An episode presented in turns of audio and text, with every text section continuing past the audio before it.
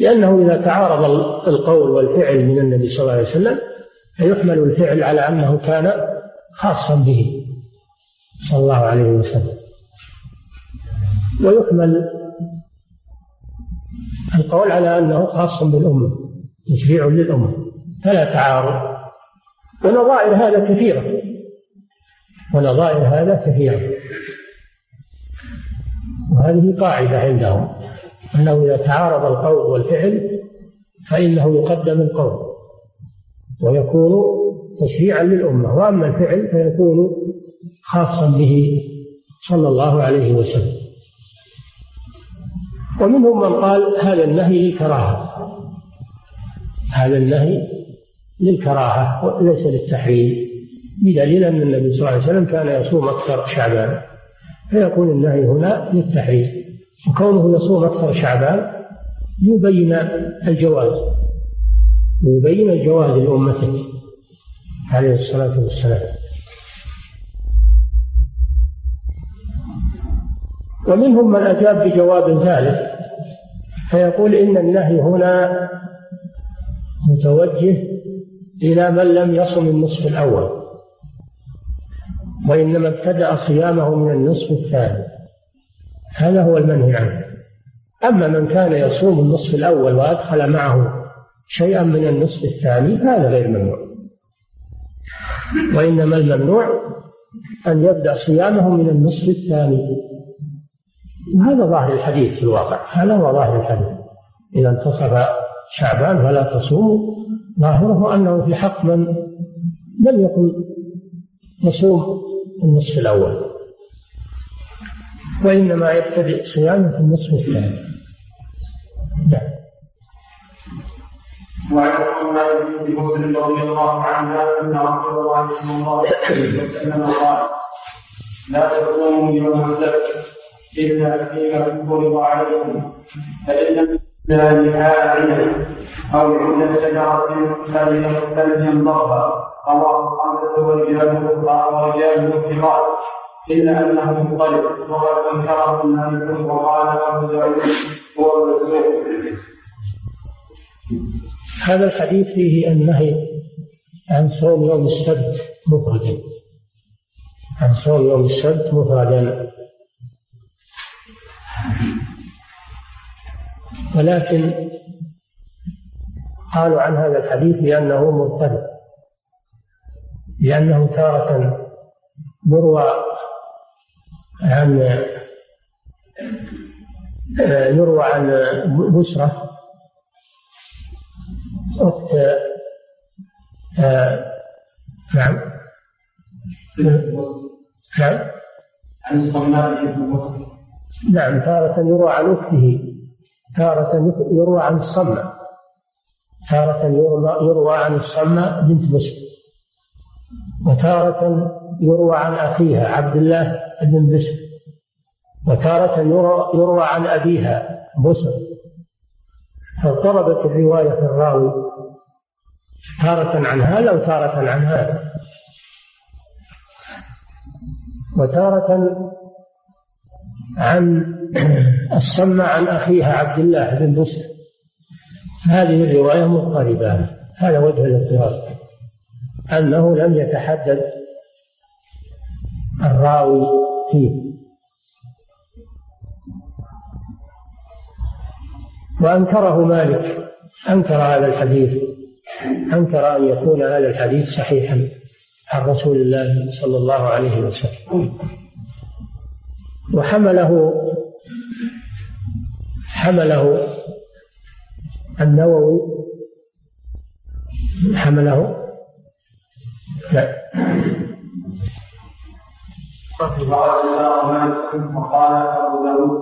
حمله أبو داود. على أنه منسوخ. هذه ثلاثة أجوبة عن هذا الحديث. الحديث الأول أنه مضطرب. وعرفنا كيف اضطرابه الجواب الأول أنه منكر لأنه مخالف للأحاديث الصحيحة. كره مالك. الجواب الثالث أنه على فرض صحته فإنه منسوخ بالحديث الذي يأتي بعده. الحديث الذي يأتي بعده أن النبي صلى الله عليه وسلم أمر بيوم صوم يوم السبت ويوم الأحد. بصوم يوم السبت ويوم الأحد مخالفة لأهل الكتابين. هذا وجه النسخ. على كل حال هذا الحديث ضعيف من حيث السند. ضعيف من حيث السند. ومعارض بما هو أقوى منه. وقوله فإن لم يجد أحدكم إلا لحى عنب يعني بشر المراد باللحي قشر الشيء. لحى الشجرة قشرها ولحى العنبة قشرها فإذا لم يجد أحدكم إلا لحي عنب فليمضغه. يعني يفطر. وهذا أيضا فيه مأخذ لأن لأن الإفطار يكون بالنية ولو لم ولو لم يمضغ الإنسان شيء الإفطار يكون بالنية ولو لم يمضغ الإنسان شيئا. فهذا دليل على ضعف هذا الحديث. على كل حال هذا حديث ضعيف.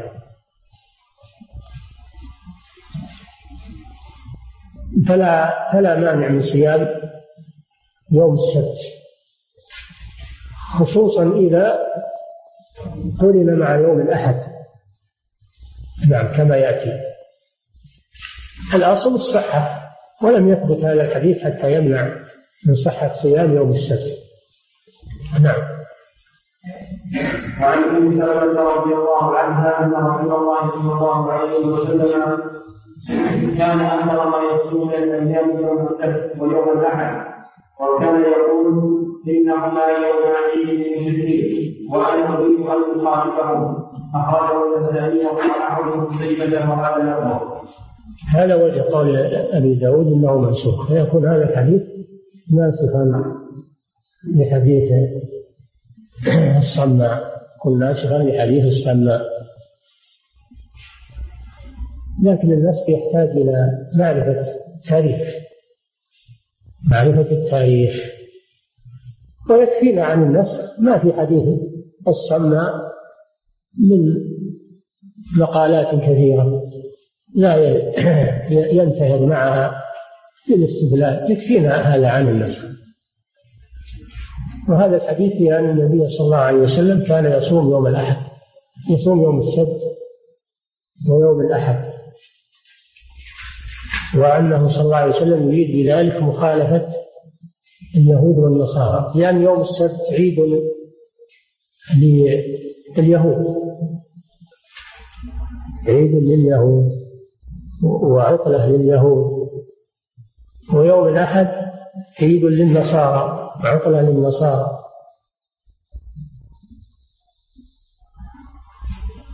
ويوم الجمعة عيد للمسلمين. الله جل وعلا أضل هاتين الأمتين عن يوم الجمعة فاختارت اليهود يوم السبت. قالوا لأنه نهاية خلق السماوات والأرض خلق المخلوقات. يزعمون أن الله استراح في يوم السبت لأن بداية الخلق ست خلق السماوات والأرض في ستة أيام ابتداء من يوم الأحد وانتهاء بيوم الجمعة. فاليهود يزعمون أن الله استراح في يوم السبت تعالى الله عما يقولون. ولهذا رد الله تعالى عليهم بقوله ولقد خلقنا السماوات والأرض وما بينهما في ستة أيام وما مسنا من لغوب. يعني من تعب. هذا رد على اليهود. أولم يروا أن الله الذي خلق السماوات والأرض ولم يعي بخلقهن؟ يعني لم يتعب. هذا في رد على اليهود أيضا بقولهم إن الله تعب بخلق السماوات والأرض واستراح يوم السبت فجعلوه يوم عيد لهم قبحهم الله فنقصوا الله عز وجل وصفوه بأنه يتعب وأنه يحتاج إلى الراحة وهذا من جملة افتراءاتهم على الله سبحانه وتعالى.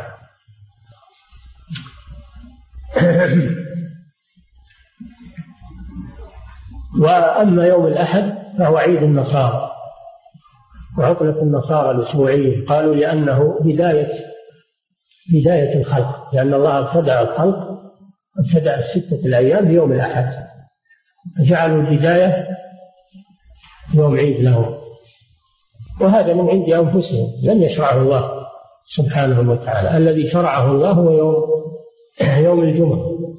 لكنهم أخطأوا هذا اليوم. فخص الله جل وعلا به هذه الأمة تشريفا لها. فلم يحسدوا الأمة على شيء أكثر مما حسدوها على يوم الجمعة؟ حيث أضلهم الله عنه وهدى له المسلمين. لأن يوم الجمعة فيه تكامل الخلق. يوم الجمعة فيه تكامل الخلق. هو آخر أيام الخلق. خلق السماوات والأرض. وفيه خلق آدم. فيه خلق آدم وفيه يدخل الجنة وفيه أخرج منها وفيه تقوم الساعة فهو يوم عظيم حصلت فيه أحداث عظيمة وتحصل فيه أحداث في المستقبل وهو قيام الساعة عظيمة فهو يوم عظيم. فلذلك ادخره الله لهذه الأمة لشرفها وفضلها على الأمة. النبي صلى الله عليه وسلم كان يصوم هذين اليومين مخالفة لأهل الكتابين لأنه صلى الله عليه وسلم يحب أن يخالف اليهود والنصارى في العبادات وغيرها وينهى عن التشبه بهم.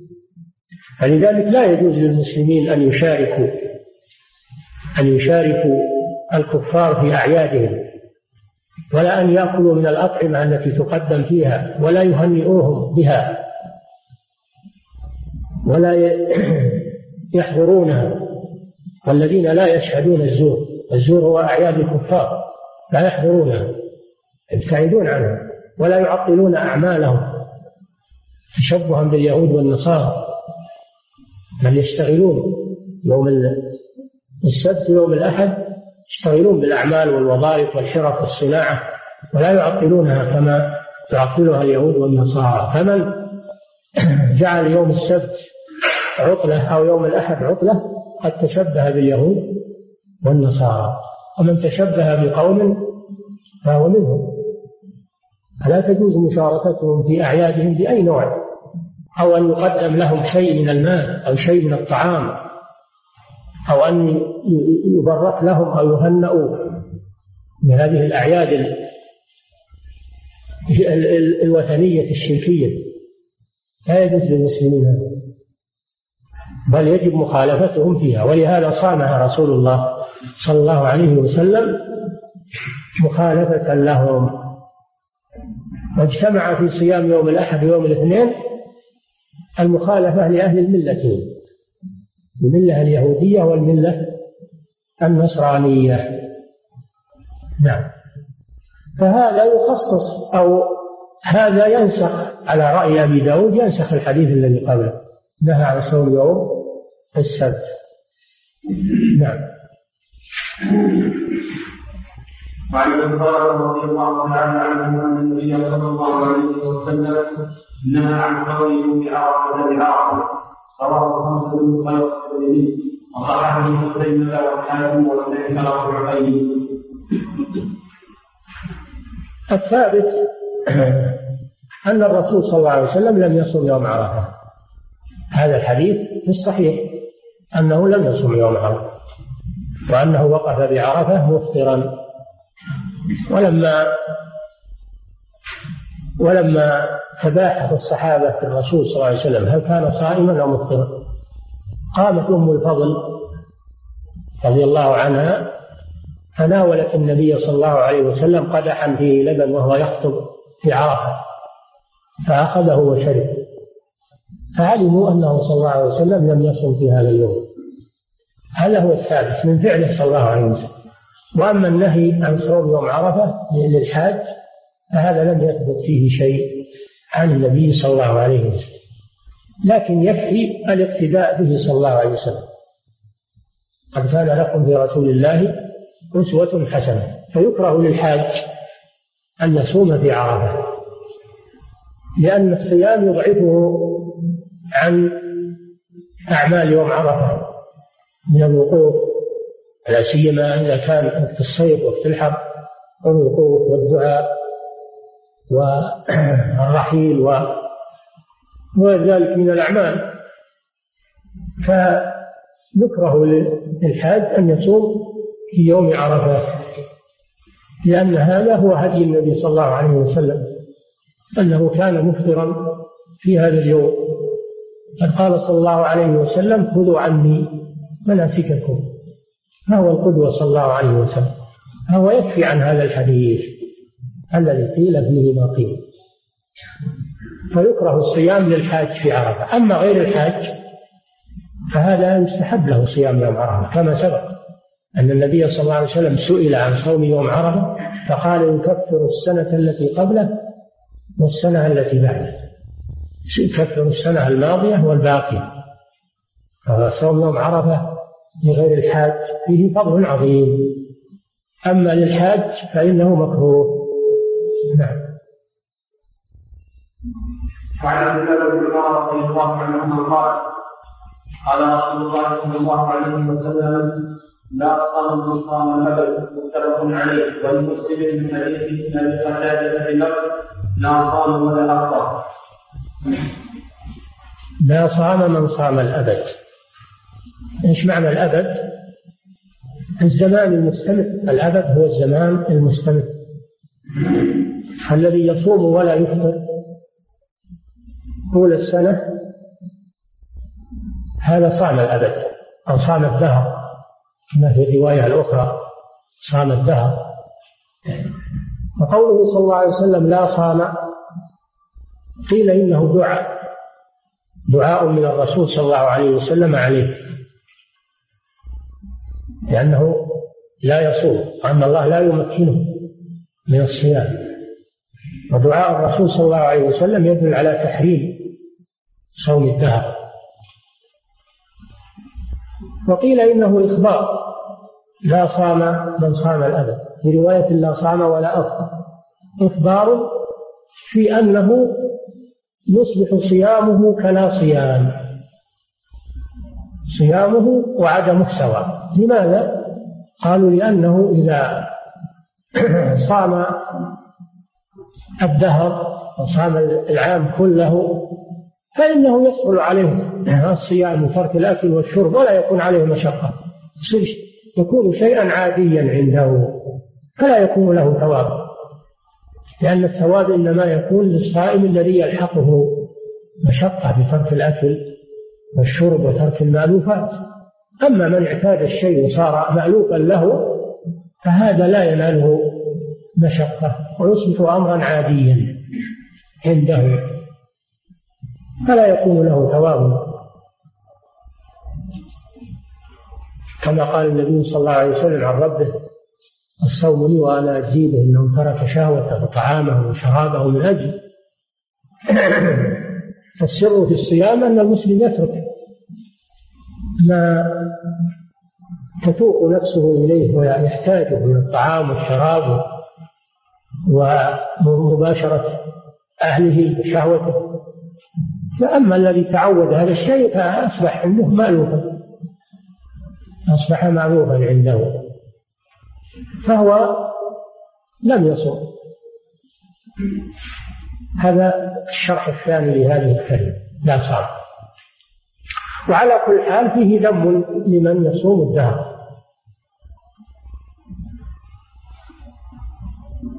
وعبد الله بن عمرو بن العاص رضي الله تعالى عنهما لما أراد أن يصوم ولا ويستمر في الصيام نهاه عن ذلك. نهاه عن ذلك. قال له صم ثلاثة أيام من كل شهر. قال إني أستطيع أكثر من ذلك. فما زال صلى الله عليه وسلم ينقله من حالة إلى حالة وهو يقول أنا أستطيع أكثر من ذلك. أو أريد أفضل من ذلك. إلى أن قال صوم يوما وأفطر يوما كما كان داود عليه السلام يصوم يوما ويفطر قال أريد أفضل من ذلك. قال صلى الله عليه وسلم لا أفضل من ذلك. لا أفضل من ذلك.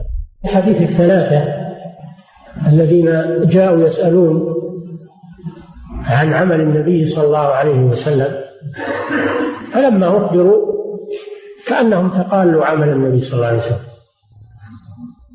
فقالوا إن الرسول صلى الله عليه وسلم غفر له ما تقدم من ذنبه وما تأخر. يعني كأنه قلل العمل لأنه ليس بحاجة إليه لأنه غفر له ما تقدم من ذنبه وما تأخر. هذا رأيهم. فلما علم النبي صلى الله عليه وسلم بمجيئهم ومقالتهم قال صلى الله عليه وسلم أنتم الذين قلتم كذا وكذا أما والله إني لأخشاكم لله وأتقاكم له وإني أصوم وأفطر وأصلي وأنام وأتزوج النساء فمن رغب عن سنتي فليس مني. الشاهد في قوله أصوم وأفطر. ما قال أصوم وأستمر قال أصوم وأفطر. قالت عائشة في الحديث الذي مر بكم كان يصوم حتى يقال لا يفطر ويفطر حتى يقال لا يصوم كان يعادل صلى الله عليه وسلم بين صيامه وإفطاره.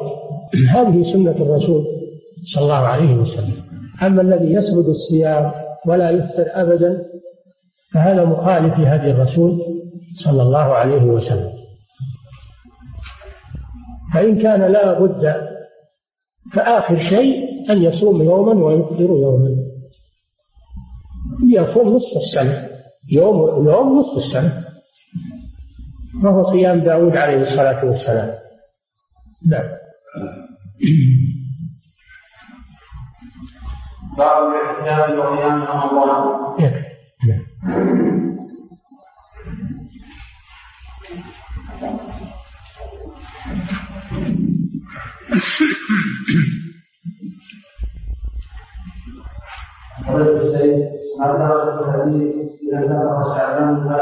يعني فيكون صيام الدهر من جملة الصيام المنهي المنهي عنه. وتكون الأنواع التي مرت بنا من الصيام المنهي عنه صوم المرأة وزوجها شاهد بغير إذنه صوم يوم العيدين صوم أيام التشريق صوم الدهر إيش غير هذا؟ إفراد الجمعة. إفراد يوم الجمعة بالصوم. استكمال شعبان استكمال شعبان بالصيام. كل هذه أنواع من صوم التطوع منهي عنها. نعم. صوم الدهر وهو الأخير. هذه كم؟ نعم كذلك يوم صيام يوم عرفة للحاج هذه كم الآن؟ آه، احصوها يمكن تحتاجون لها بعدين كم صارت؟ سبعة أنواع ها؟ سبعة أنواع من أنواع الصيام المنهي عنه نعم صوم يوم الشك أيضا صارت ثمانية ها؟ صوم يوم الشك نعم. على ما في بعض أيام خلاف. نعم.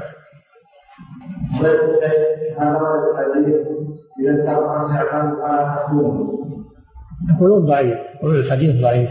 نعم. إيش قال عندك المؤلف؟ درجته عندك ذاكرها المؤلف.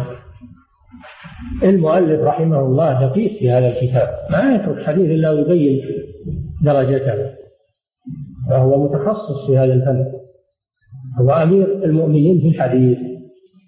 يسلم له ذلك رحمه الله. نعم. أي نعم. يعني الإمام أحمد هو إمام المحدثين. استنكر هذا الحديث. نعم. فضيلة الشيخ ما كيفية صلاة الرغائب وهل يخصصونها في يوم ليلة الجمعة في الغالب؟ اي نعم. صلاة الرغائب هي صلاة أول ليلة جمعة من رجب يجتمعون في المساجد. يجتمعون في المساجد وينورونها ويقومون الليل. يصلون جماعة مثل ما يعمل, يعمل في رمضان. تجدهم في رمضان لا يحضرون المساجد لأن اللي يشتغل بالبدعة ما يمكن يشتغل بالسنة. يحرمه الله من السنة. بل ربما أنهم لا يحضرون الفرائض ما يصلون مع الجماعة يقولون الجماعة سنة ولا يصلون الجماعة. وهذه سنة الله جل وعلا أن الذي يبتلى بالبدعة يحرم من السنة لأنها لا تجتمع السنة والبدعة أبدا. نعم.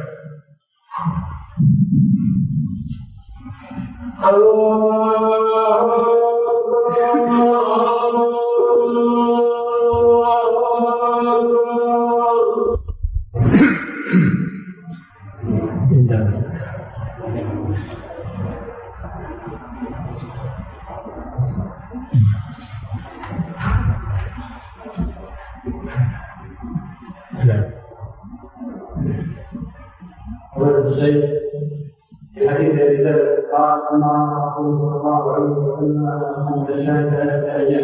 في حديث في حديث نعم ما الصالح من هذا الامر؟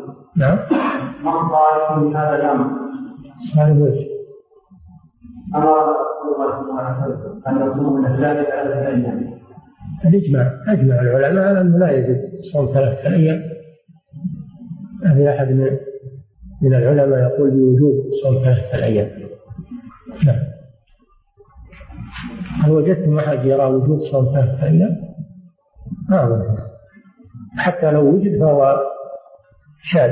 نعم. لو قضاء في يوم النحر والفطر هل يسلمه أم لا؟ نعم.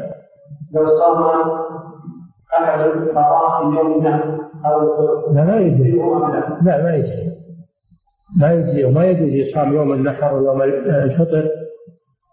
عن أي صيام؟ لا قضاء ولا نذر ولا ولا نفل. ما يجوز فإن صام فإنه لم يجزئ نعم. قال السيد ما بما ان يقول النبي صلى الله عليه وسلم كان يصوم أكثر شعبان ذلك من شهر السنة في الجهاد فكان يترك صيام الاثنين والخميس وايام البيت ويقضيها في شعبان وإذا كان هذا صحيحا فلا يجوز القضاء النفل هذا لا دليل عليه الكلام. هذا لا دليل عليه. ولم يكن صلى الله عليه وسلم يترك صيام يوم الاثنين ويوم الخميس إلا من عذر. نعم. هل شيء الفرق بين الشافعي في الموت النبوي وبين ما في الشيخ محمد بن عبد الوهاب أو أسبوع المساجد أو الكذا وغيرها؟ من قال؟ هل هذه أدلة وحجة؟ يعني نقول هذا يدخل في أسبوع الشيخ أسبوع فلان كله ده يدخل في النهي ممنوع الذين فعلوه لا لا حجة معهم. وليسوا قدوة ولا عبرة بهذا الشيء. نعم. ولذلك أنكر عليهم الناس. نعم. إذا نذرت زوجة الصوم في يوم بعيد نعم. إذا نذرت زوجة الصوم في يوم بعيد فمن تفصيل ومن تحقيق الناس المسائل. إذا إيش؟ إذا ذكرت زوجته الصوم في يوم بعيد نعم. فمن تفصيل ومن تحقيق المسائل. يعني نذرت أن تصوم يوما زوجها حاضر ولم يأذن لها لا تصوم. لأن هذا لم يجب بأصل الشرع وإنما وجب بنذرها فلا تصوم هذه. تقضيه تقضيه إذا تيسر لها قضاؤه فيما بعد. نعم. قال الشيخ ما حكم من من النهي عن تخصيص يوم الجمعة بالصيام أو القائم بالصيام ولماذا النهي عن صيام يوم السبت؟ لئلا نحدث في الدين ما ليس منه. لئلا نحدث في الدين ما ليس منه. فنحن متبعون لا مبتدعون.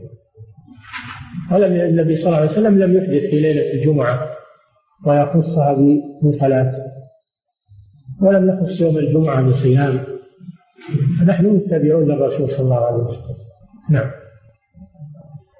قبل الشيء ما رأوا قضيتكم حين يخصصون يوما بالعبدة السبت والأحد ويوم الجمعة. نظرا للاتفاق بالإجازات العالمية والأسواق. ما يجوز هذا. يجب على المسلمين أن يتميزوا أن يتميزوا بدينهم وعباداتهم ويخالفوا أهل الكتاب والمشركين. لا يجوز لهم أن يكونوا تبعا للكفار بل يتميزون بذلك ويظهرون دينهم. ولذلك والحمد لله نحن نعطل في يوم الخميس ويوم الجمعة. ما نعطل يوم السبت ويوم الأحد. نعم. قال السيد ما يرغب في تخصيص يوم معين للتاريخ بالاحتفال بالمعلم؟ نعم. ما يرغب في تخصيص يوم معين للاحتفال بالمعلم؟ احتفال بالمعلم؟ كل هذه عادات وتقاليد يوم المعلم ويوم ويوم الأم ويوم الأب ويوم كلها تقاليد فاسدة جاءتنا من الكفار. المعلم نكرمه دائما وابدا. معلم الخير ما نخص ما يعني نخصص يوم لتكريمه بل هو مكرم في كل في كل الأيام وفي كل الساعات. لا يخصص له يوم الأم يجب برها دائما وابدا ما في يوم معين. المساجد يجب صيانتها والعنايه بها دائما وابدا ما هي في أسبوع معين. الأشجار تغرس في الأيام المناسبة من السنة وقت البذار ولا يخصص لها يوم معين كل هذه تقاليد فاسدة نعم الجواب الحديث في تحديد مرفوع الصحابة هل يدور الحديث مع العلم أن الصحابة رضي الله عنهم كلهم علوم؟ قالوا أجابوا بهذا لكن الاضطراب موجود ولو كان الاضطراب موجود لأنه لم يعين راويه. لذلك حكموا عليه بالاضطراب وهم أهل الفن وأهل العلم حكموا عليه بالاضطراب. نعم.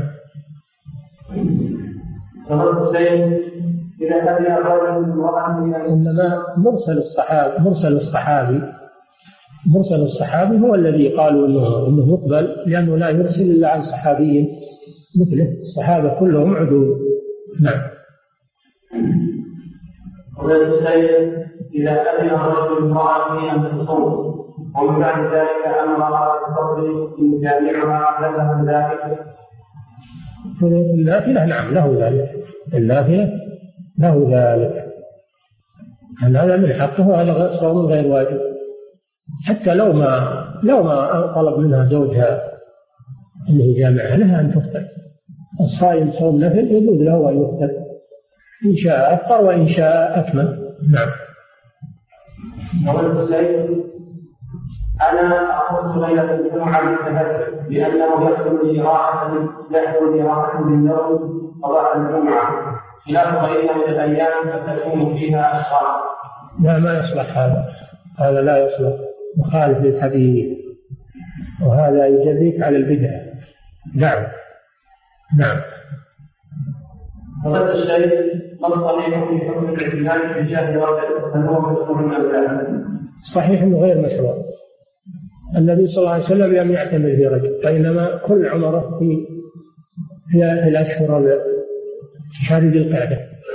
في شهر ذي القعدة إلا عمرته التي مع حجته فإنه أداها في شهر ذي الحجة في صبيحة رابعة من ذي الحجة. ولم يثبت عنه أنه اعتمر في شهر رجب؟ قط نعم. وهو القدوة صلى الله عليه وسلم. نعم. الشيء مرضاة في زيادة الأمر فيه المرض التصور. نعم. كان غيابه في يوم واحد. نعم. مرضاة في غياب الزوج المريض للمرض التصور. ولو كان غيابه في يوم واحد هل يعتبر ذلك غيابه بزوجها فتقوم إذا كان غائبا عنها سواء هي الغائبة عنه أو هو الغائب عنها. يعني مدة يوم فأكثر تصوم. أما إذا كان غيابها أو غيابها أقل من يوم إنها لابد من أخذ إذنه نعم.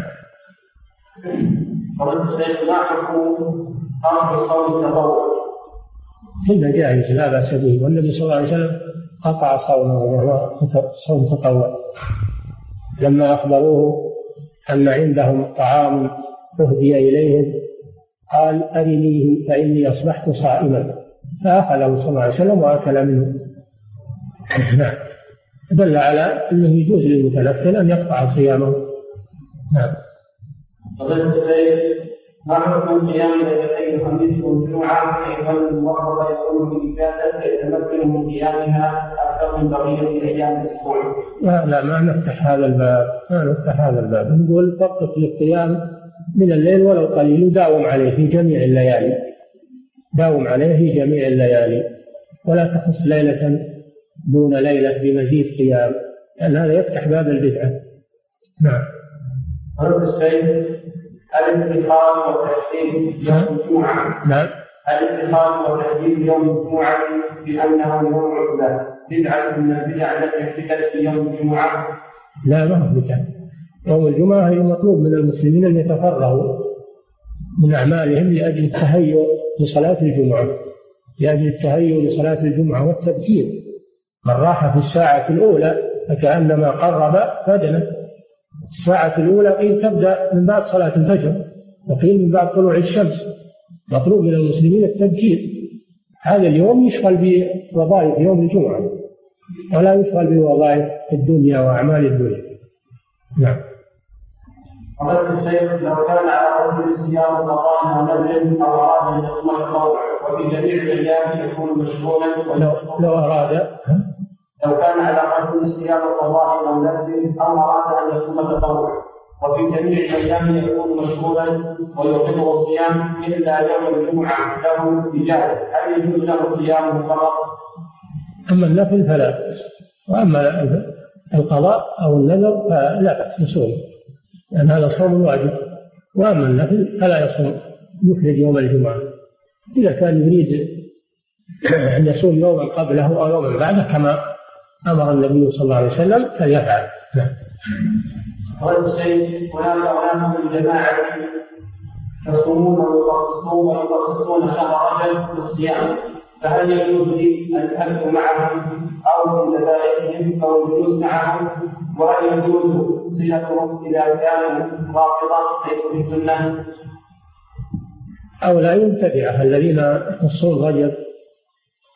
هؤلاء مبتدعة لكن لا تصل بدعتهم إلى حد الكفر يجوز الأكل معهم ومع المناصحة والإنكار عليه وبيان.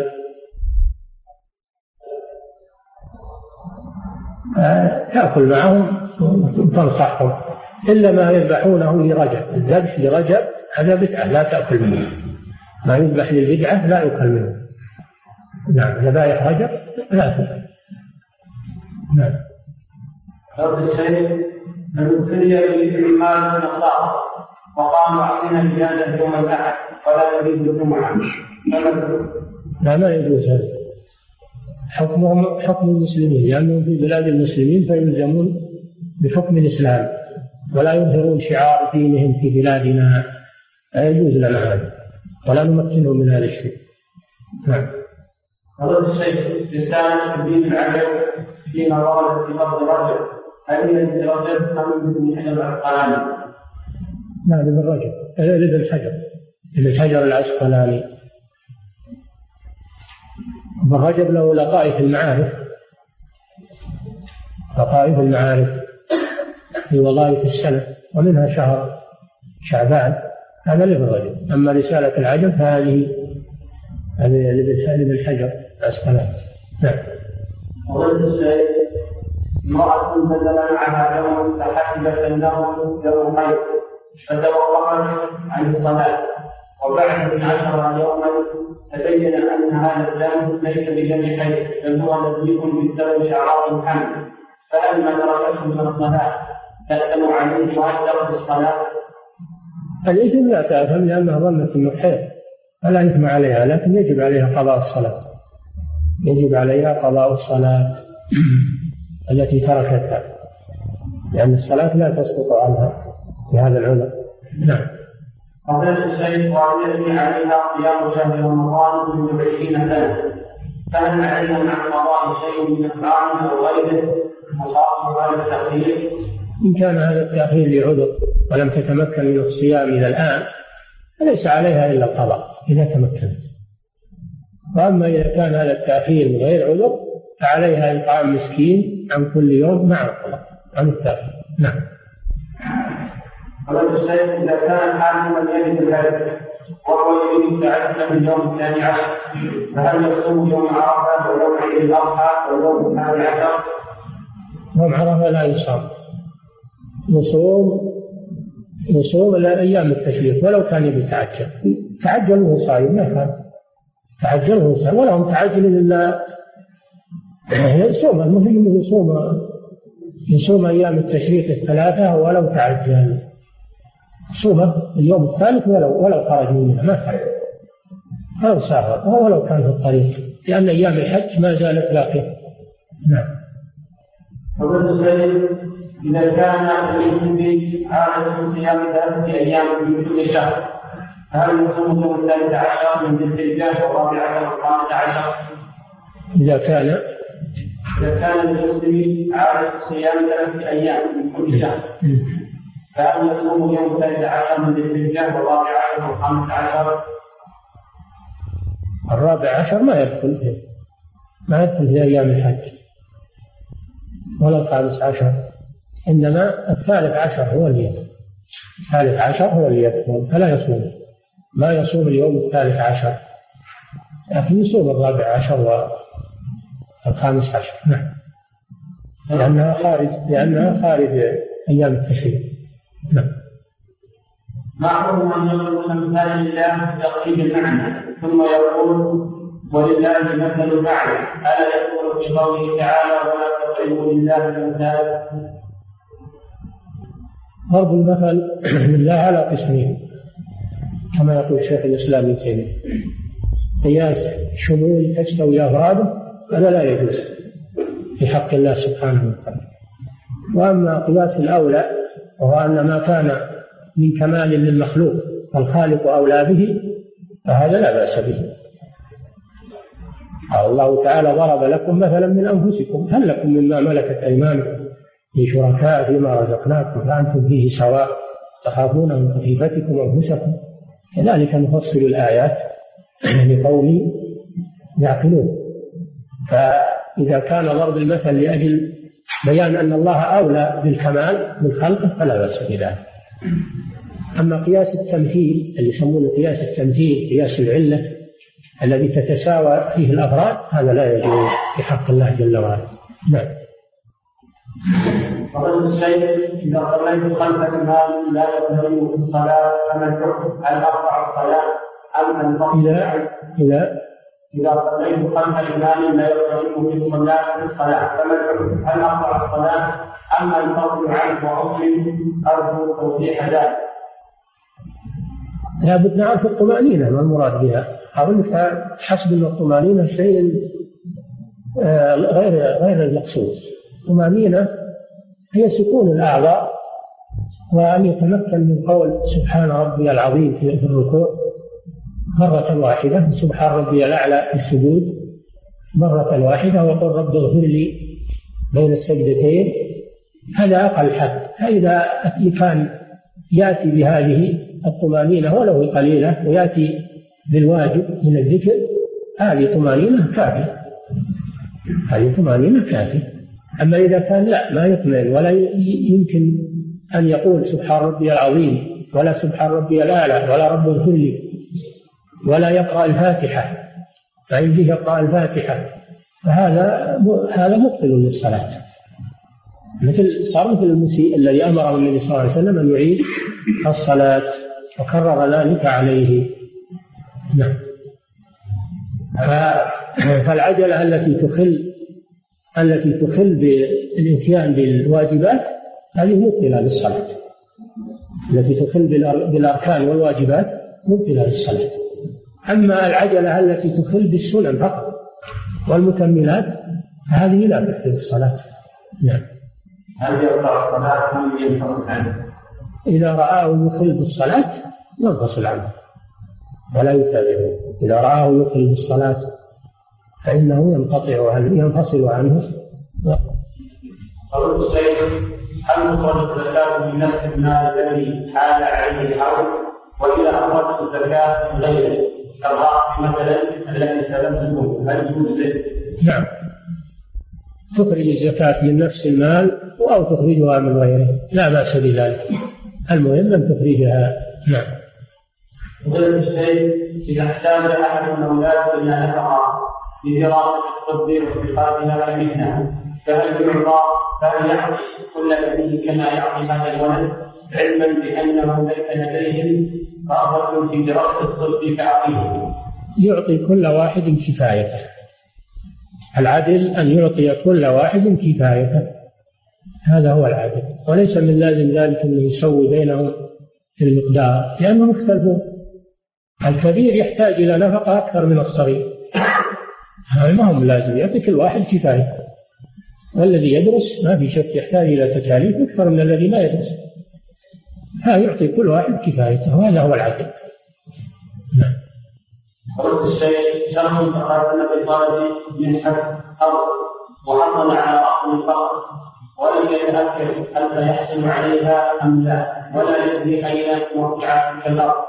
وباع ذلك الضخم على إيقاع بمبلغ خمسة آلاف ريال. على أن لا يفضل لهم حصولهم على الأرض. ولا هل هذا البيع؟ هذا البيع باطل وهذا المال حرام لأنه بيع ما لا يملك لأنه باع ما لا يملك. ما يجوز له بيع الأرض حتى يستلمها بحدودها ومسافة ما قبل ذلك فلا يجوز بيعه. قوله صلى الله عليه وسلم لا تبع ما ليس عندك. لا يجوز يشترط في البيع أن يكون البائع مالكا للمبيع أو مأذونا له فيه يعني بالوكالة.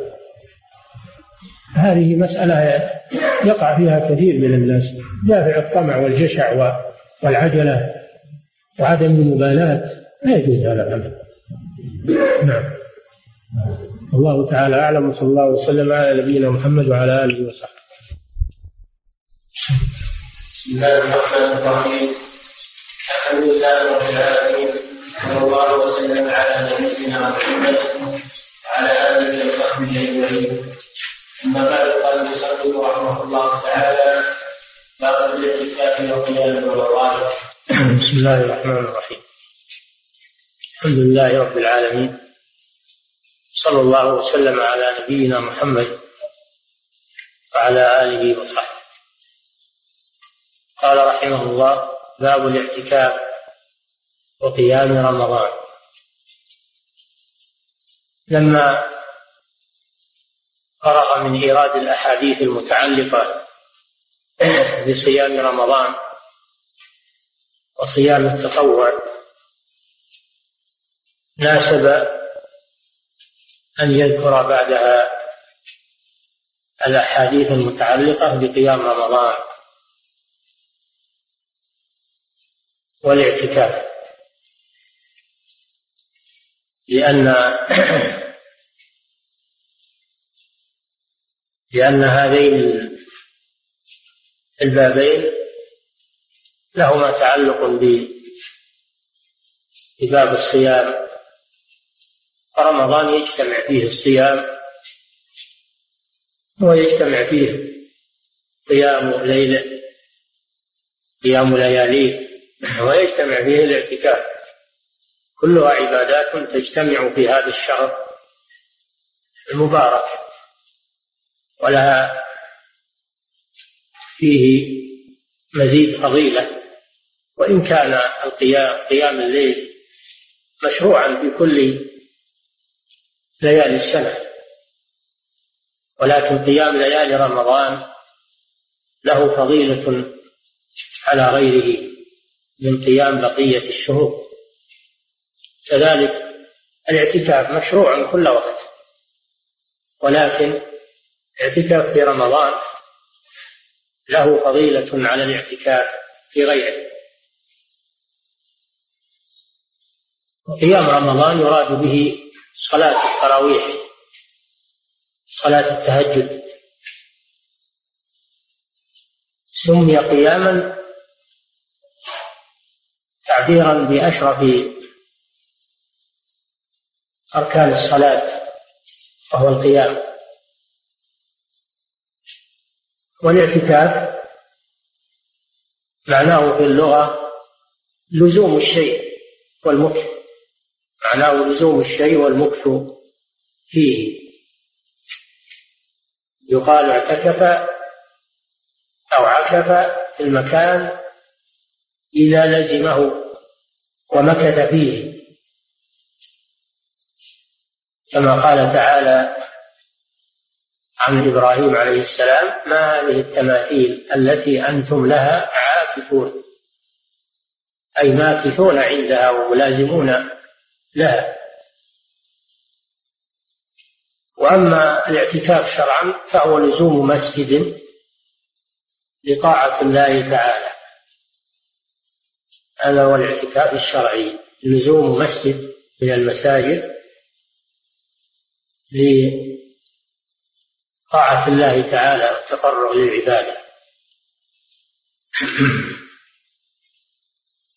قال تعالى وأنتم عاكفون في المساجد قال تعالى عن المسجد الحرام الذي جعلناه للناس سواء العاكف فيه والباد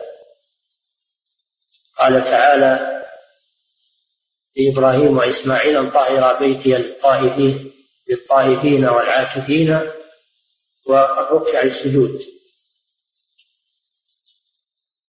والعاكفون المراد بهم المقيمون.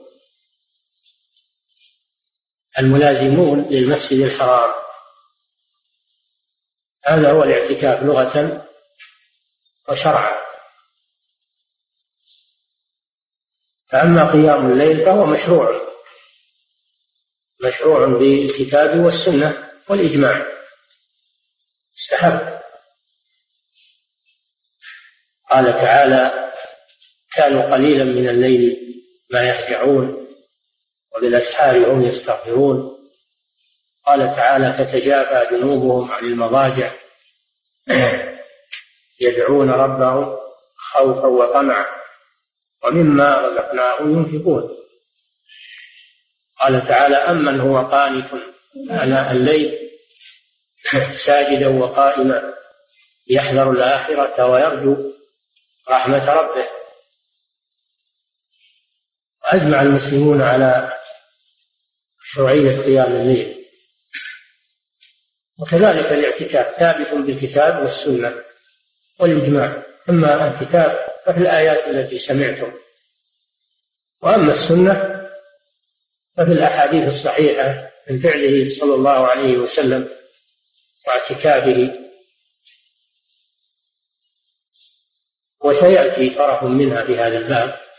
وأما الإجماع فقد أجمع المسلمون على مشروعية الاعتكاف في المساجد. نعم.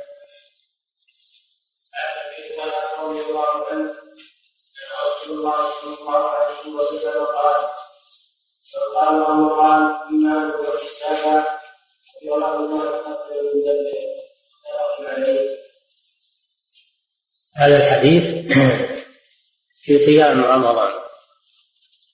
من قام رمضان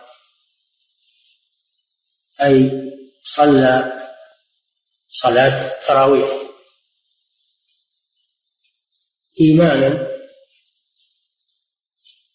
أي تصديقا بوعد الله سبحانه وتعالى واحتسابا أي طلبا للأجر طلبا للأجر والثواب. لا يقوم رياء ولا سمعة وإنما يقوم إيمانا واحتسابا أو منصوبان على الحال.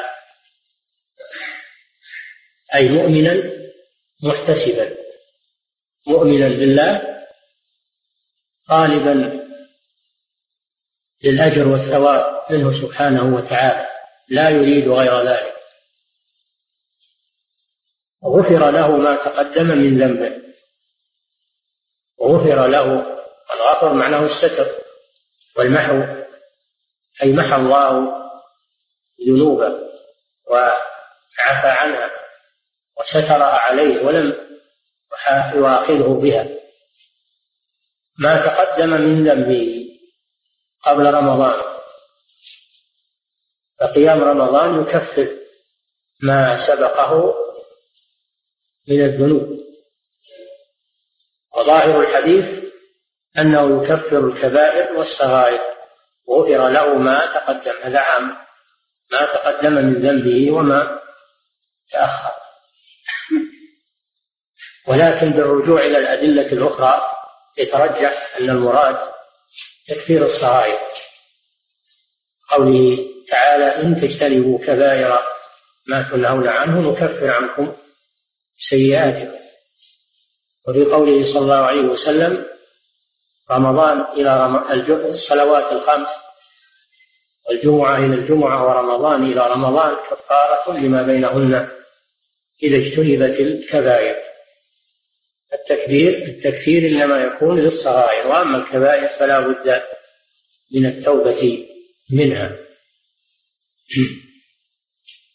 لا تكفر إلا بالتوبة منها. فهذا الحديث فيه مشروعية قيام رمضان.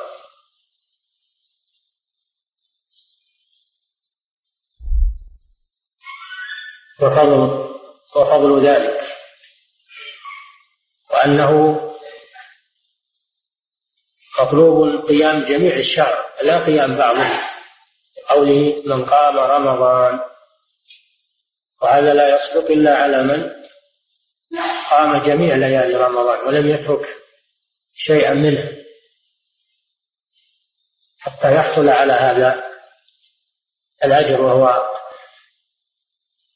غفران ما تقدم من ذنوبه أما من قام بعض الليالي وترك البعض فيكتب له من الأجر بقدر ما قام. وهو أقل من الذي يقوم جميع الشهر. وفي هذا الحديث وجوب الإخلاص لله عز وجل إيمانا واحتسابا. وجوب الإخلاص وأنه إذا لم يكن قيام رمضان عن إخلاص فإنه لا يقبل. ثالثا في الحديث أنه لا تحديد لا تحديد لقيام رمضان. أن يقوم ما تيسر له. فلا تحديد لأن النبي صلى الله عليه وسلم قال من قام رمضان لم يحدد بإحدى عشرة ركعة أو ثلاث عشرة أو غير ذلك. وإنما أطلق عليه الصلاة والسلام. وهذه مسألة مهمة وعظيمة جدا لأن بعض المتعالمين في هذا الزمان شوشوا على الناس. إذا جاء رمضان ما لهم هم إلا القيل والقال. والكلام في صلاة التراويح وأن فلان مخطئ وفلان يزيد وفلان خالف السنة وفلان يريدون أن يقصروا الناس على عدد يرونه محددا. الرسول لم يقصر الناس بل قال من قام رمضان؟ من قام رمضان؟ إيمانا واحتسابا ولم يحدد عليه الصلاة والسلام.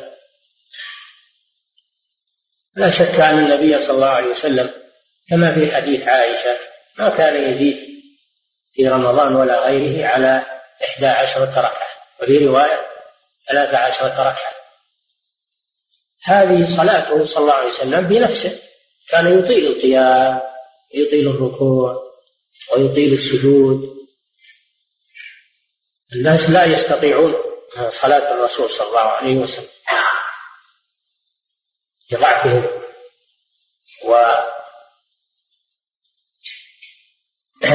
تقاصرهم عن فعل الرسول صلى الله عليه وسلم. فلما كان كذلك الصحابة رضي الله عنهم في عهد عمر كانوا يصلونها ثلاثا وعشرين في مسجد الرسول صلى الله عليه وسلم وبحضور المهاجرين والأنصار ولم ينكر هذا. فهو سنة في سنن الخلفاء الراشدين وبحضور المهاجرين والأنصار وبمسجد رسول الله صلى الله عليه وسلم فلم ينكروا الزيادة على إحدى عشر. كانوا يصلونها ثلاثا وعشرين. والحكمة في ذلك تخفيف على الناس. فتخفف الصفة ويزود العدد. تخفف الصفة ويزود العدد. أما من أراد أن يطيل يطيل الصفة فإنه يقلل العدد كما فعل النبي صلى الله عليه وسلم. ولكن الناس لا يستطيعون صلاة النبي صلى الله عليه وسلم.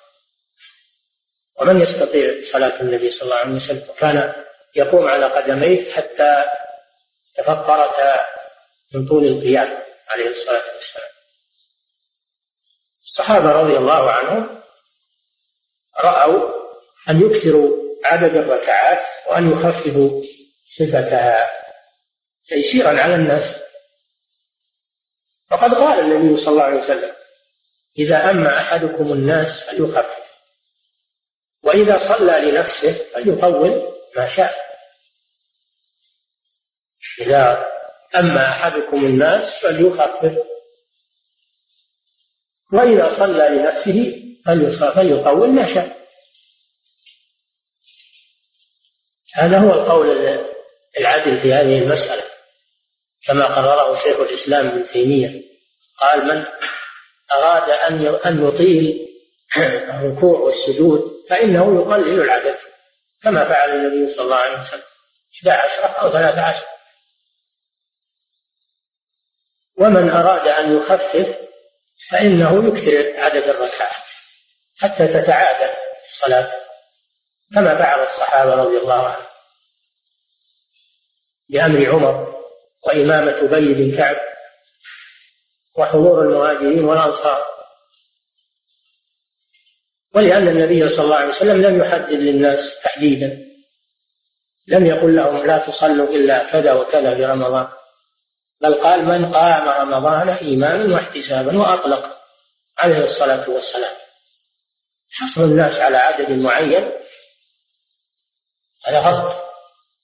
بل بعضهم يتجرأ ويقول إن ما زاد على 11 هو بدعة. يعني يكون عمر مبتدع يكون الصحابة مهاجرون والأنصار مبتدعين في مسجد رسول الله صلى الله عليه وسلم. لكن هذا المتكلم لا يحسب قوله ولا يزن قوله ولا يدري ما يترتب عليه. فنحن نقول من أراد أن يطيل الصلاة فإنه يقلل عدد الركعات كما فعل النبي صلى الله عليه وسلم. ومن أراد أن يخفف الصلاة فإنه يكثر عدد الركعات كما فعل الصحابة رضي الله تعالى عنهم. ولو فهموا أن الرسول يريد قصرهم على عدد معين ما تجاوزوا لأنهم أولى الناس بالاقتداء برسول الله صلى الله عليه وسلم. لكنهم فهموا أن الرسول لم يحدد لهم حدا معينا بل رغبهم في قيام رمضان ولم يحدد لهم. هذا هو القول العدل في هذه المسألة. كما أن بعضهم يقول أنه ما يزيد في العشر الأواخر. صلاته في العشر الأواخر وصلاته من أول الشهر سواء. وهذا غلط لأنه سيأتي أن النبي صلى الله عليه وسلم إذا دخل العاشر شد مئزره وأحيا ليله وأيقظ أهله عليه الصلاة والسلام. فكان يزيد في العشر الأخير على ما كان يفعله في أول الشهر. قولهم انه ما يزيد يعني رمضان كله صلاة واحدة غلط. هذا راجع إلى قلة الفهم وقلة الفقه والمجازفة بالأقوال التي لا داعي له. كل ما جاء رمضان شوشوا على الناس. وصار الكلام أي عدد صلاة التراويح؟ فلان زود فلان نقص فلان مبتدع فلان والغالب انهم ما يصلون. بس همهم الحج الغالب انهم ما يصلون في المساجد ولا يشابون يصلون مع الناس التراويح. إنما يجلسون في المجالس ويلا كلام في عدد الركعات وفلان زود وفلان نقص وفلان كذا فلان مبتدع وفلان لا حول ولا قوة إلا بالله. فهذا يجب التفطن له اللي يحفظ لسانه ولا يتكلم إلا بحسب الأدلة. ولا يقلد بعض المتعالمين الذين يدعون إنهم يعملون بالحديث يعملون بالسنة. ما يقلدهم في هذا. ينظر هو ينظر في الأدلة وفي عمل السلف الصالح وعمل الصحابة. ولا يغلط الناس ويخطي الناس ويخطي الأئمة. حتى وصل إلى عمر رضي الله عنه. جعلوه مبتدعا لأنه زود زي الصحابة فعلوا هذا في مسجد الرسول بعد وفاته. صلوا ثلاثا وعشرين. في رواية إحدى وعشرين. يعني كان لعلمهم أن الأمر ليس فيه تحريم. وأنهم أرادوا الرفق بالناس. مع أرادوا الرفق بالناس مع زيادة الخير وزيادة القيام في عدد الركعات. هذا الذي أرادوه. وكان القارئ يقرأ خمس آيات ست آيات في الركعة. ويختمون القرآن في آخر الشهر ختمة واحدة. كانوا يشددون على الناس ويرهقون الناس. كانوا يعملون. هذا أما من أراد أنه يطول هو بنفسه أو معه جماعة من جنسه يريدون التطويل ما في معنى طول إذا اتفقوا جماعة على التطويل يطولوا أو صلى الإنسان وحده يطول ما شاء. أما إذا صار يصلي معه ناس ضعفاء كبار سن ومرضى وأصحاب أشغال لهم حاجات وهو يراعي أحواله أيكم أما الناس فليخفف فإن فيهم الكبير والمريض وذا الحاجة فإذا صلى لنفسه فليطول ما شاء. هذا هو السنة سنة الرسول صلى الله عليه وسلم. نعم. وعن عائشة رضي الله عنها قالت كان رسول الله صلى الله عليه وسلم إذا دخل العشر فالعشر الأخيرة متفق عليه الحديث الأول فيه قول الرسول صلى الله عليه وسلم من قام رمضان هذا فيه الترغيب بقوله صلى الله عليه وسلم وهذا الحديث فيه صفة فعل النبي صلى الله عليه وسلم. عن عائشة أم المؤمنين رضي الله عنها قالت كان رسول الله صلى الله عليه وسلم إذا دخل العشر الأواخر شد مئزره وأحيا ليله وأيقظ أهله. ففي دليل على أن العشر الأواخر من رمضان يزاد فيها التهجد وقيام الليل أكثر من العشرين الأول. قولها شد مئزره المئزر والإزار بمعنى واحد ما يلف على أسفل الجسم ومعنى شد مئزره كناية عن الجد والاجتهاد. الجد والاجتهاد. في رواية شمر وشد المئزر أي جد واجتهد. وأحيا ليله أحيا ليله للقيام. لأن من قام في الليل فقد أحياه ومن نام الليل فقد أماته فقد أمات ليله فهذا فيه دليل على أنه صلى الله عليه وسلم يكثر الصلاة في العشر الأواخر عما كان يصليه في العشرين الأول. وقد جاء أنه صلى الله عليه وسلم في العشرين الأول كان يصلي وينام فإذا دخلت العشر الأواخر لم يذق غمضا عليه الصلاة والسلام. وهذا أيضا فيه رد على هؤلاء الذين يقولون إن صلاة رمضان ما تتفاوت ولا يزود العشر الأواخر عما كان في أول الشهر. وهذا لجهلهم بسنة الرسول صلى الله عليه وسلم. وينكرون على الذين يقومون من آخر الليل يتهجدون يقسمون صلاة يقسمون قيام رمضان في العشر الأواخر إلى قسمين تراويح في أول الليل وتهجد في آخر الليل. هذا فيه عمل بأنه واقتداء بالنبي صلى الله عليه وسلم لأنه يزيد في العشر الأواخر بل إنه لا يذوق غمضا ويحيي الليل. ولا يقتصر على صلاة التراويح.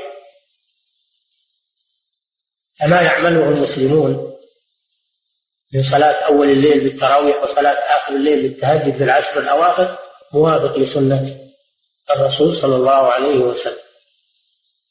وأن العشر الأواخر لها مزيد يزاد فيها بقيام الليل. وفيه دليل على أنه ينبغي للمسلم أن يوقظ أهله أهل بيته من أولاده ونسائه بقيام الليل في هذه العشر.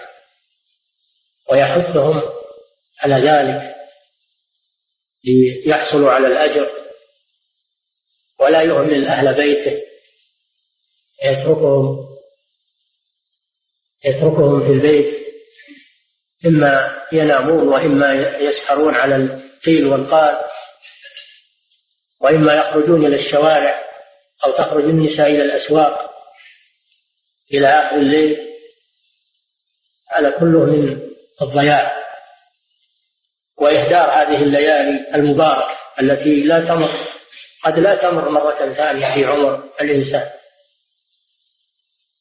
ففيه أن الإنسان يأمر أهله بقيام رمضان ولا سيما العشر الأواخر. ولا يقول أنا أصلي وهم كيفهم هذه ما هي فريضة هذه نافلة. نعم هي نافلة. ولكن لا تضيع النافلة لا تضيع. وهذه المواسم لا تضيع.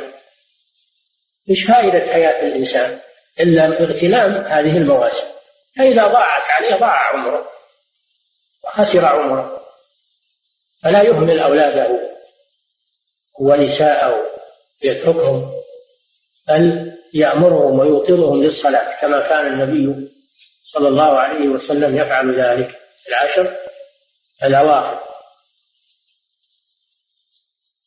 نعم.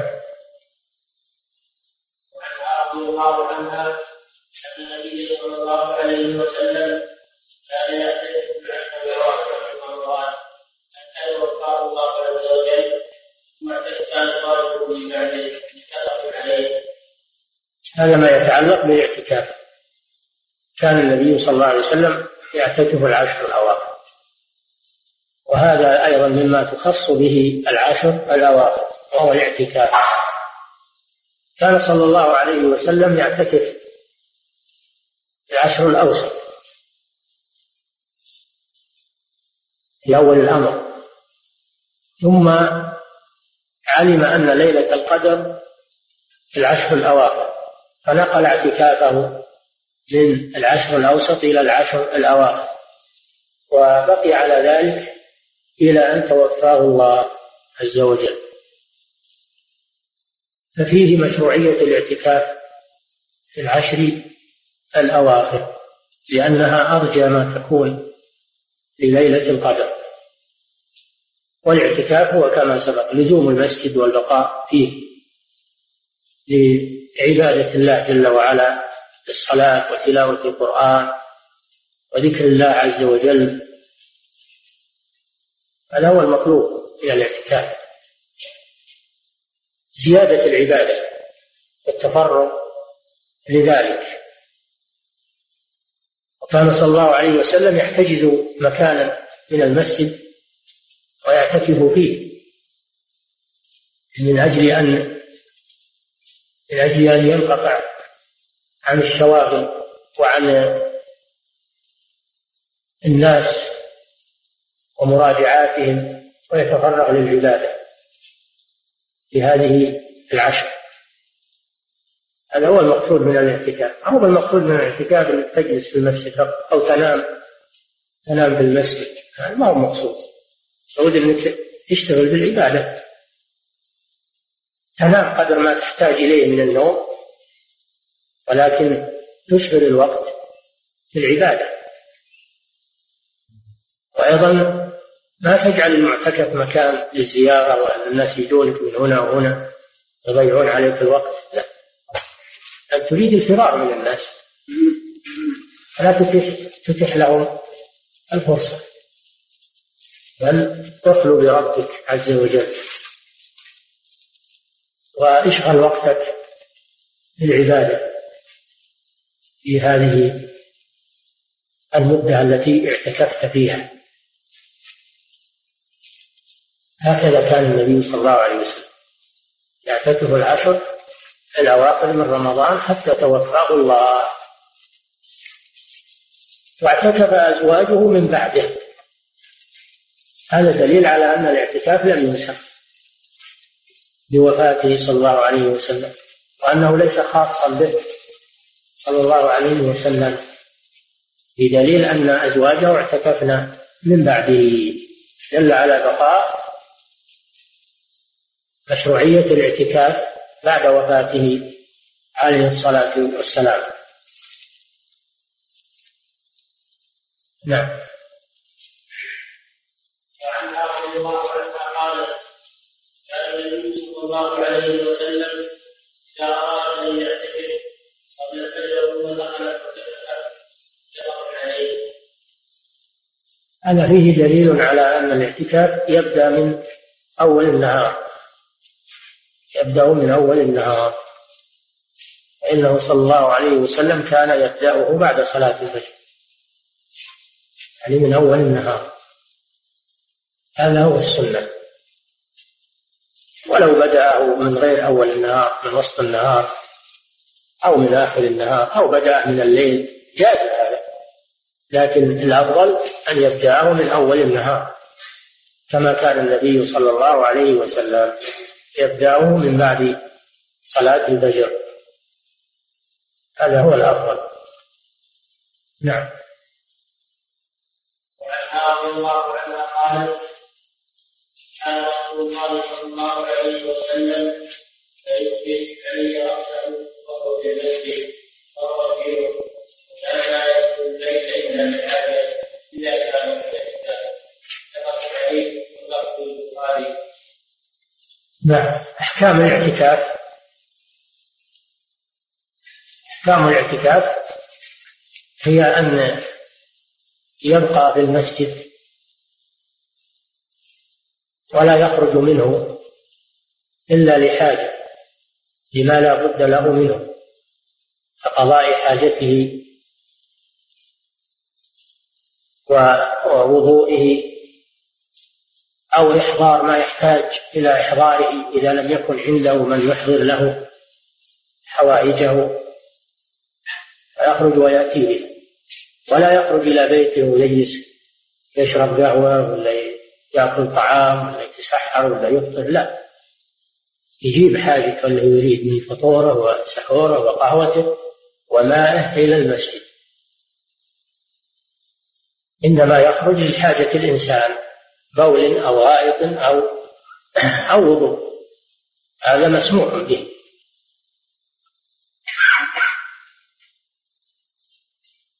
قوله وأنتم عاكفون عاكفون المساجد يعني ماكثون فيها. لا يخرج منها. ودل الحديث على أن إخراج بعض الجسم من المسجد لا يضر. لأنه صلى الله عليه وسلم كان يخرج رأسه إلى حجرة عائشة رضي الله عنها لأنها بجانب المسجد يخرج رأسه الشريف إلى عائشة فترجله يعني تمشطه بالمشط وتزينه وتحسنه. دل على أن إخراج بعض جسم الإنسان من المسجد لا لا يخل لا يخل بالاعتكاف وكانت عائشة لا تأتي إليه في المعتكف لأنها كانت حائض. والحائض لا تجلس في المسجد. لذلك كان يخرج صلى الله عليه وسلم رأسه إليها.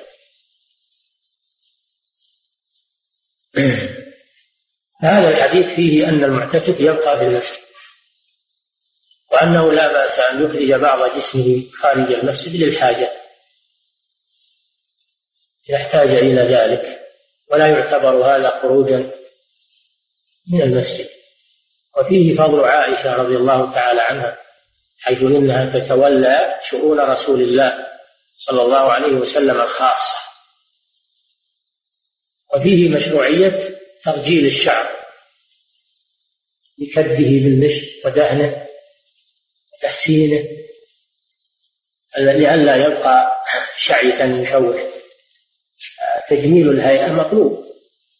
والله جميل يحب الجمال سبحانه وتعالى فتجميل الهيئة أمر مطلوب ومن ذلك إصلاح شعر الرأس بالترجيل والادهان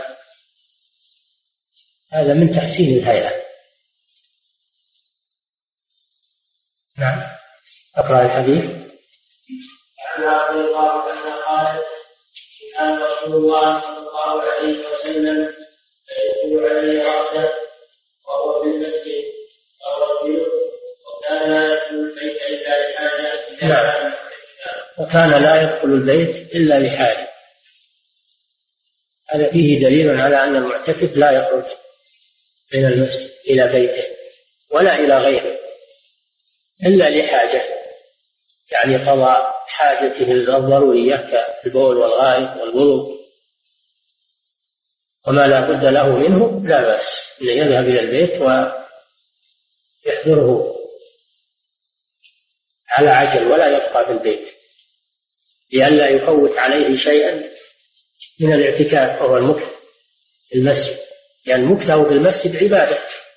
فإذا خرج فات عليه شيء من العبادة. ولأن هذا يتنافى مع الاعتكاف. نعم.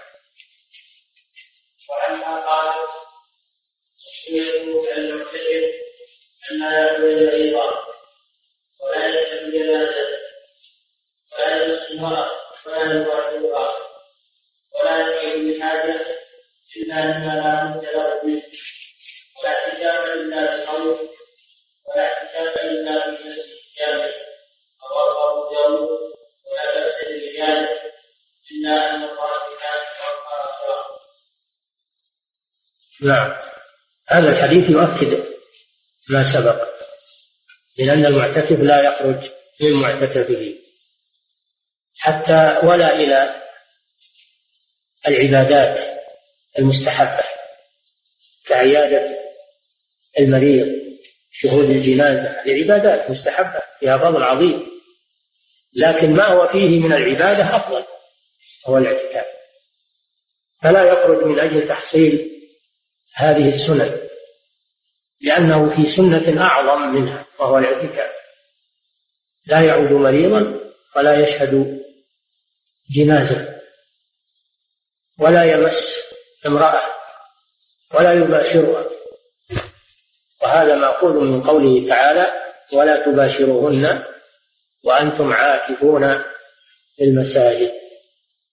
فلا يمسها بيده لأن هذا يحرك الشهوة وهو وسيلة إلى إلى المباشرة وسيلة إلى المباشرة فنهي عن الوسيلة.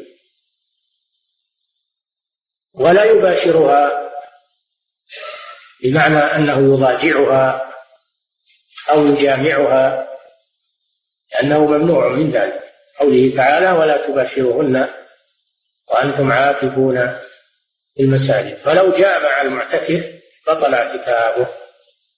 لو جامع بطل اعتكافه. لأن الله جل وعلا يقول ولا تباشرهن وأنتم عاكفون في المساجد. فيتجنب اللسان. لا بالمس وهو المس باليد ولا بالمباشرة وهو المضاجعة معها ومس جلدها جلده لجلدها وأعظم من ذلك المجامعة. كل هذا محرم. المس محرم لأنه وسيلة. المباشرة إذا أريد بها المضاجعة فهو وسيلة. وإن أريد به الجماع فهو هو الغاية المنهي عنها. لأن الجماع يفسد الاعتكاف. ولا يمس امرأة ولا يباشرها. ولا يخرج إلا لحاجة الإنسان. ثم قالت ولا اعتكاف إلا بصيام ولا اعتكاف إلا في مسجد جامع.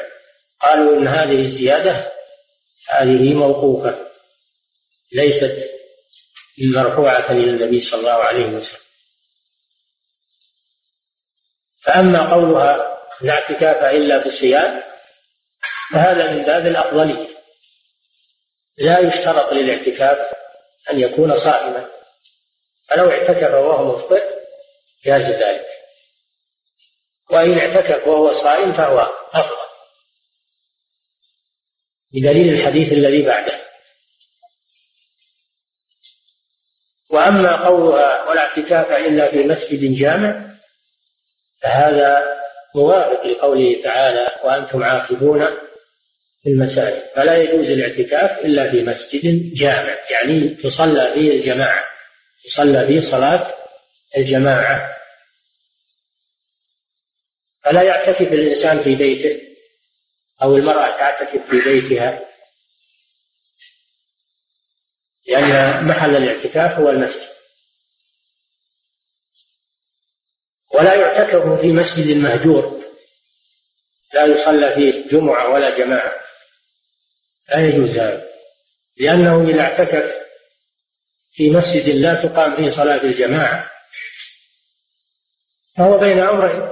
إما أن يترك صلاة الجماعة فيترك واجبا. هذا لا يجوز. وإما أن يخرج من المسجد من هذا المعتكف للصلوات الخمس يتكرر خروجه وهذا يتنافى مع الاعتكاف. فلا بد أن يكون الاعتكاف في مسجد تصلى فيه صلاة الجماعة الصلوات الخمس حتى يحضر الجماعة مع المسلمين. ولا يجوز للإنسان أن ينعزل ويقول أنا بخلو بربي ويترك صلاة الجماعة هذا حرام. هذا حرام. قد سئل ابن عباس عن رجل يقوم الليل ويصوم النهار ولا يشهد الجمعة والجماعة قال هو في النار. هو في النار والعياذ بالله. اعتزال الجماعة واعتزال المسلمين بحجة أن الإنسان يفرغ للعبادة هذا لا يجوز هذا فعل الصوفية. هذه خلوات الصوفية المبتدعة. فيعتكف في مسجد في مسجد تصلى فيه صلاة الجماعة. وأما الجمعة فلا بأس أن الإنسان يخرج يصليها معه لأن الجمعة لا تتكرر كل يوم.